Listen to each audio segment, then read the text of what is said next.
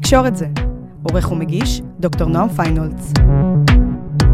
שלום לכם, אתם על הפודקאסט של המחלקה לתקשורת במכללת ספיר. בכל פרק אנחנו מדברים כאן עם אחד החוקרים והחוקרות שלנו ומציצים להם יחד לשולחן העבודה. הצצה בגובה העיניים לחקר התקשורת. היום נמצא איתנו דוקטור מוטי גיגי, עם מחקר חברתי ומקומי חשוב שבודק את יחסי הכוח לאורך 60 שנה בין העיר שדרות, כאן קרוב, לבין הקיבוצים שסביבה. שלום מוטי. שלום וברכה. אז אתה יודע, בדרך כלל אנחנו מתחילים בלשאול על מה המחקר ומה גילית. נדמה לי שאיתך נכון יותר לשאול למה המחקר, למה דווקא אתה חקרת דווקא את זה? זה קשור לזה שבביוגרפיה שלך אתה ילד שדרותי שנוסע לבקר בקיבוצים? בהחלט שכן, אני חושב שמה שהביא אותי להחלטה הסופית לחקור את מה שחקרתי, זה בקורס שנקרא כתיבה סוציולוגית, והמנחה, שהיא גם המנחה שלי לדוקטורט, היא אמרה, תסתכלו מה כל אחד חוקר, תחקרו את הביוגרפיה שלו, תראו שיש קשר בין מה שהוא חוקר לבין הביוגרפיה שלו. ואז מצאתי את עצמי חושב ואומר, רק רגע, זה משהו שאני רוצה לחקור אותו, וביקשתי בכלל לחקור משהו אחר לגמרי. וזה החזיר אותי חזרה להגיד, אוקיי, בוא, בוא נעשה איזה מחקר שהוא סמי-אוטוביוגרפיה. והסמי-אוטוביוגרפיה, זאת אומרת, זה מאוד פשוט. אני נולדתי בשדרות, גדלתי בשדרות, המועצה האזורית שער הנגב שמכילה בתוכה את כל הקיבוצים מסביב. גדלתי לתוכם, זה היה חלק מהתבנית נוף מולדתי. בנוסף לכל זה, אבא שלי עבד 30 אה, שנה בקיבוץ רוחמה. ואתה כילד נוסע לעבודה של אבא? כמובן, מה זה, זה לא כילד נוסע לקיבוץ, אלא אני צריך להתנהג יפה כדי ליהנות מהפריבילגיה של לנסוע לקיבוץ. ובקיבוץ אתה צריך להיות קיבוצניק? כאילו מצפים ממך פתאום להיות לא שדרותי? תראה, אני הייתי זה ילד. זה נשמע מגעיל שאני שואל את כן. זה היום, אבל זה 30 שנה אחורה. הייתי ילד, אבל אין ספק שזה היה מבחינתי מרחב אחר. הכל ירוק, ובריכה, ונכנסים לכלבו ולוקחים מה שרוצים בלי לשלם. הכל נראה לי אחרת. היינו הולכים לקיבוץ, למפעל של המברשות בקיבוץ רוחמה, והייתי מקבל כל הזמן ערכה של כל מיני מברשות שיניים. זאת אומרת, זה היה מבחינתי טיול. זה, זה היה חוץ לארץ. חוץ לארץ של שנות ה-80. אחלה, אבל אתה מתאר את זה כחוויה סופר חיובית. המחקר הוא על יחסי כוח. כילד הבנת שיש משהו עקום? לגמרי. זאת אומרת, אני, אני הבנתי כילד שיש משהו עקום, ברטרוספקטיבה של זמן כאדם מבוגר, להבין איזה כיף היה שם ולמה לא היה כיף אצלי. ולמה כיף אצלהם ולא אצלי, ולמה יש את הפער הכל כך גדול ובלתי נתפס בין המקום שאני גר בו לאנשים האחרים האלו. עכשיו, מעבר ל, ל, למדשאות ולירוק ולבריכה ולכלבו, זה גם היו אנשים אחרים. זאת אומרת, צריך להגיד, שדרות 85% היו יוצאי אסיה אפריקה. והנתונים מראים ש-90%, מעל 92% היו בקיבוצים יוצאי אירופה אמריקה. פתאום אתה פוגש אנשים שחושבים אחרת, נראים אחרת, ואתה מסתכל עליהם והם מסתכלים עליך אחרת. זאת אומרת, יש פה משהו שהוא מבחינתי היה חדש, אחר, מעניין. טוב, אז בוא רגע לא נדבר ביוגרפית, אלא סוציולוגית מחקרית. אתה בכותרת בתוך המחקר הזה, שהוא חלק מהדוקטורט שלך, כותב על מעבר מפטרנליזם לשותפות. נכון. תסביר. תראה, בשנות ה-50 תמיד דיברו כור ההיתוך, דיברו אה, אה, קיבוץ גלויות, דיברו ביחד, כולנו ש... אה, 12 שבטי ישראל ביחד. בפועל הייתה סגרגציה מוחלטת. זאת אומרת, כמעט ולא היה מפגש בין תושבי שדרות לתושבי המועצה האזורית שער הנגב. וזאת נקודה שאני מראה אותה ואני לא מחדש. זאת אומרת, יש כתיבה על זה, זאת אומרת, אה, צור כתב על זה המון המון מחקרים, יש מחקרים על עיירות הפיתוח, הרלה כהן עשה דוקטורט על עיירות, לא חידשתי שום דבר. החידוש שלי זה להגיד, חברים, קורה פה משהו בשנות ה-70.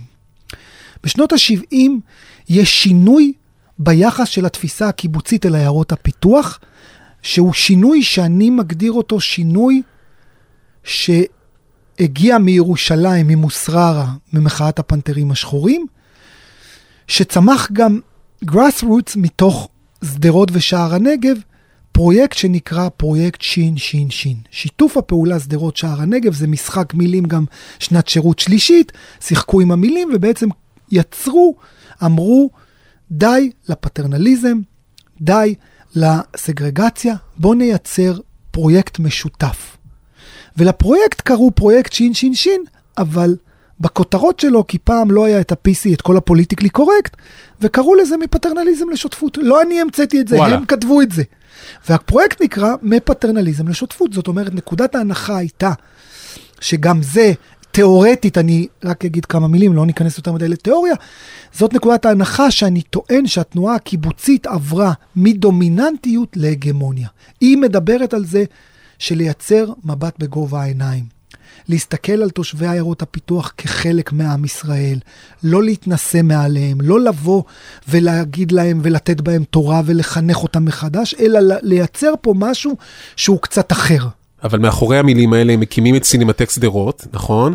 שהוא, לא יודע אם אני מגזים, אבל אפשר לתפוס אותו כניסיון אילוף של הפרא השדרותי. בוא נראה לחבר'ה משדרות קצת ברגמן. לגמרי. עכשיו הם יהיו בעניין. לגמרי. לא, בוא נגיד, הפטרנליזם עדיין שם.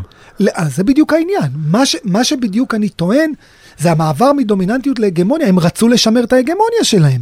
אבל יחד עם זאת, היו המון אנשים בתוך המערכת השדרותית ששיתפו פעולה. אני, אחד הדברים, כן, המחקר שלי הוא סוציולוגי פרסה, אבל יש שם המון היבטים תקשורתיים, אז אחד, אחד הציטוטים המאוד מעניינים, שאני כל הזמן מצטט אותו כי הוא כל כך מעניין, את אה, אלי מויאל שהיה ראש העיר, אמר, עברנו ממשולש הקמעות למעוין הסינמטקים. יפה. אתה מבין? זה הציטוט שאני ככה כל הזמן נוהג אה, לצטט, כי זה בדיוק המקום איך מאמצים את השיח ההגמוני, איך בעצם רוצים להיות לא במשולש הקמעות, אלא במעוין הסינמטקים, קרי תל אביב, ירושלים וחיפה. ואתה חווה את שדרות כמישהו, שוב, אני מדבר על זה בהכללה גסה, אבל כמקום שאימץ את ההגמוניה בהנהון מרוצה, או שנלחם מולו עד היום? כל הזמן זה היה דיאלקטי. היו חלקים שאימצו וחלקים שהתנגדו. חלקים שאימצו וחלקים שהתנגדו, והיה שם מהלך עמוק שאני מנסה לשרטט אותו על פני שישה עשורים, על כל, ה, על כל ההתנגדויות לצד הקבלה של כל המימדים האלו. אחד הדברים זה בעצם המקום שאומר, אנחנו לא מוכנים לסינמטק מהסוג הזה. הסינמטק מהסוג הזה שאתם רוצים לייצר, אף שדרותי לא מגיע, ובאמת הנתונים הראו את זה. ולאט לאט בשיטתיות, איך אומר חיים בראשית, שהוא היה ממקימי אה, הסינמטק בשדרות, הוא אומר לנועם פרץ, שהיה אה, מנכ"ל הראשון של שדרות, הוא אומר, רק שדרותי יכול לקחת את הגבייה הזאת שנקראת סינמטק, כי זה היה בתחילת הדרך ששום דבר לא צלח, ולהפוך אותה לסינמטק אמיתי. זאת אומרת, ונקודת ההנחה הייתה שכל הזמן הייתה התנגדות איך לייצר סינמטק שגם מדבר לתושבי שדרות. ברמת התוכניה? ברמת התוכניה. ברמת התוכניה. זאת אומרת, יותר כיכר החלומות ופחות הסינמטק התל אביבי. בדיוק, בדיוק. עכשיו, האם הם הצליחו? לא. האם הם נכשלו? גם כן לא. כי היו ערבים מאוד מעניינים שבדיוק הביאו את כיכר החלומות, בדיוק הביאו את כבוד של uh, זאב רווח ויצרו שם עם האנדלוסית uh, ערבים מהסוג הזה שהיו שם... הקולנוע היה מפוצץ בתושבי שדרות, מה שבדרך כלל אנחנו לא רואים.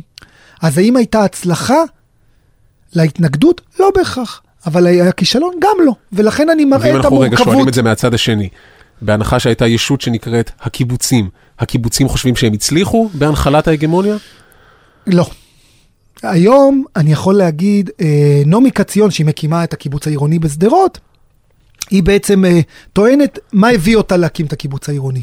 ואחד הדברים שהיא אומרת, מה שהביא אותי להיות חלק מהמרקם של עיירות הפיתוח, כי אנחנו היינו אולטרה סוציאליסטים כלפי עצמנו, וקפיטליסטים חזיריים כלפי האחרים שהיו מעבר לגדר, שזה היו המזרחים והערבים. ו- ונקודת ההנחה הייתה לייצר משהו אחר, ללמוד מטעויות העבר, ולהבין שעשינו פה משהו טוב עם טעויות של ההורים שאנחנו באנו לתקן. ונקודת ההנחה הייתה שבאמת הם מביאים את המודל הקיבוצי ואת התפיסה הקיבוצית גם לתוך עיירות הפיתוח. וההתחלה וה, הייתה באמת לחנך מחדש, לתרבט את, ה, לתרבט את הפראים מחדש. אבל יחד עם זאת, במהלך השנים, גם הם הבינו בעצמם שאין להם מה לחנך, הם פה, הם חלק מהמרקם, הם בעצמם מבינים ש, שהתפיסה שהייתה קיימת היא לא בהכרח נכונה, היא לא הרצויה, היא לא הנכונה. הם בעצמם השתחררו מהקונספציות, אפילו מהאידיאולוגיה שהם היו אה, שרויים בה לאורך השנים, שבעצם התנועה הקיבוצית והחשיבה והאידיאולוגיה הקיבוצית היא הנכונה, היא האמיתית, ועל פי יישק דבר.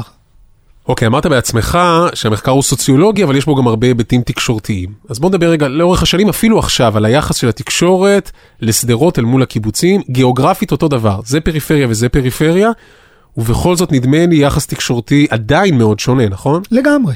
קודם כל אני אעשה תיקון קטן, הקיבוצים הם לא פריפריה, הקיבוצים הם ספר. אוקיי. יש הבדל. לעולם לא יהיה. אני בדיוק יצאתי עכשיו משיעור שדיברתי על יחסי מרכז פריפריה ואמרתי, איך אתם רואים את הקיבוצים? כולם אמרו ספר.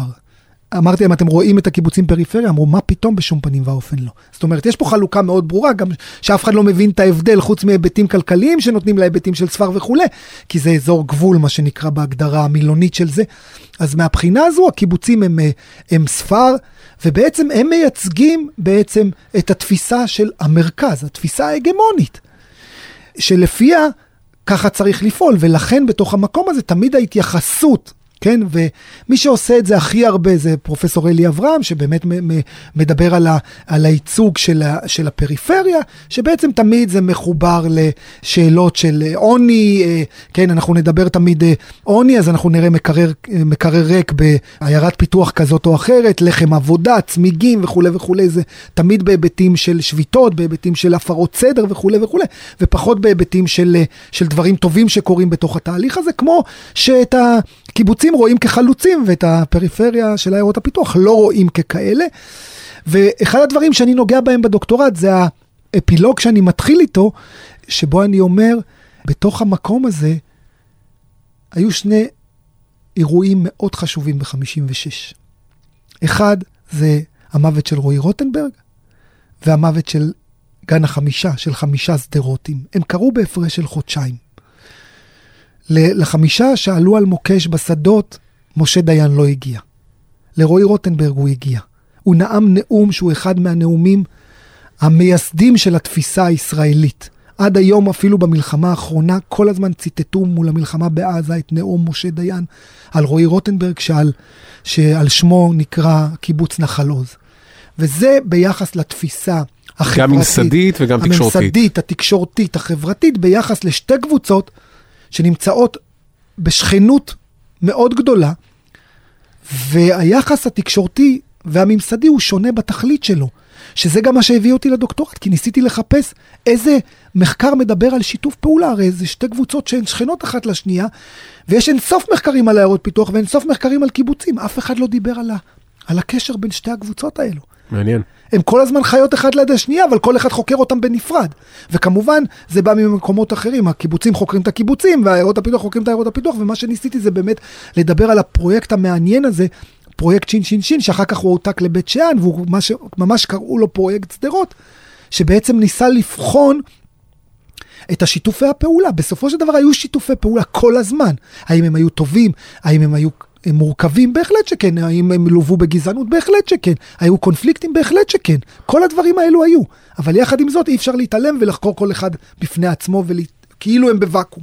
אז אתה כאמור הסתכלת אחורה 60 שנה, מחקר היסטורי שהסתכל לעבר. בוא לסיום ככה נקפוץ לעתיד. אוקיי, אתה גדלת בשדרות, למדת כאן במכללת ספיר, חקרת את המקום. בוא נדמיין ילד שנולד עכשיו בשדרות, 2018. הולך, מתפתח, כמובן מגיע עוד כמה שנים ללמוד כאן במכללת ספיר, כותב עוד 30 שנה את עבודת הדוקטורט שלו, על יחסי הכוח בין שדרות לקיבוצים.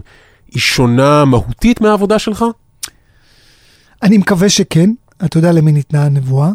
אני רק רוצה להגיד, כשראיינתי פרק שלם בדוקטורט שלי, אה, מראיין שדרותים שעברו להרחבות הקהילתיות בקיבוצים. אפרופו, המרחב השתנה מאי-סגרגציה מוחלטת לזה שיש שדרותים שגרים בהרחבות הקהילתיות בקיבוצים, נוצר קיבוץ עירוני בתוך שדרות.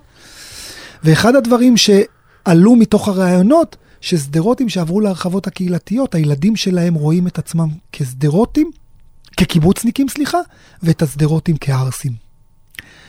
ואני מאמת את ה... כמה מבאס. אני מאמת את אותם הורים, ואני אומר להם, חברים, אתם שדרותים. זה מה שאמרו עליכם ועליי לפני 20 שנה. אתם הבאתם את הילדים שלכם שיג... שיגידו את אותם דברים לדור השלישי. הם בעצב רב אומרים, אתה צודק, אבל איזה ברירה יש לנו? ופה זה משאיר טעם מר. אז אני לא יודע מה יהיה, אני מקווה שיהיה אחרת, ואני מקווה שבאמת הפטרנליזם והגזענות והיחסי הכוח ישתנו, ובאמת נראה את זה מרחב אחד, כי בסופו של דבר היום הקיבוצים הם כבר פריפריה, הם לא כאלה ספר. יש כבר אנשי ספר חדשים, קוראים להם המתיישבים או המתנחלים, כל אחד אה, איך שהוא רוצה לראות את זה. זאת אומרת, יש אדוני הארץ חדשים, ואני חושב שצריך להיות חיבורים ושיתופי פעולה, ואם כן, ואם זה ייוולד, אולי תיווצר מציאות אחרת, אם לא, אנחנו נישאר במקומות האלו שלצערי הרב, ואני מקווה שתהיה נבואה אחרת. טוב, כאילו ניסיתי לסיים אופטימי, זה יצא מבאס, אבל, אה, אבל בסדר. עכשיו אנחנו יודעים שעבודות דוקטורט אף אחד לא באמת קורא, אבל אנחנו נמליץ בכל זאת לאנשים לחפש את הדוקטורט הזה ולקרוא, זה טקסט מעניין, חשוב, וכמו שאתה אומר, רלוונטי. כן, ומי שרוצה, עשיתי גרסה של, אה, יש מאמר שיצא עכשיו בגבולות, ספר חדש בהוצאת ידיעות אחרונות, שאני עושה overview על הדוקטורט הזה, גרסת light לדוקטורט, ואני מקווה שיהיה ספר בהקדם. מעולה. דוקטור מוטי גיגי, תודה רבה. תודה רבה גם לך. תקשורת זה. עורך ומגיש, דוקטור נועם פיינהולץ.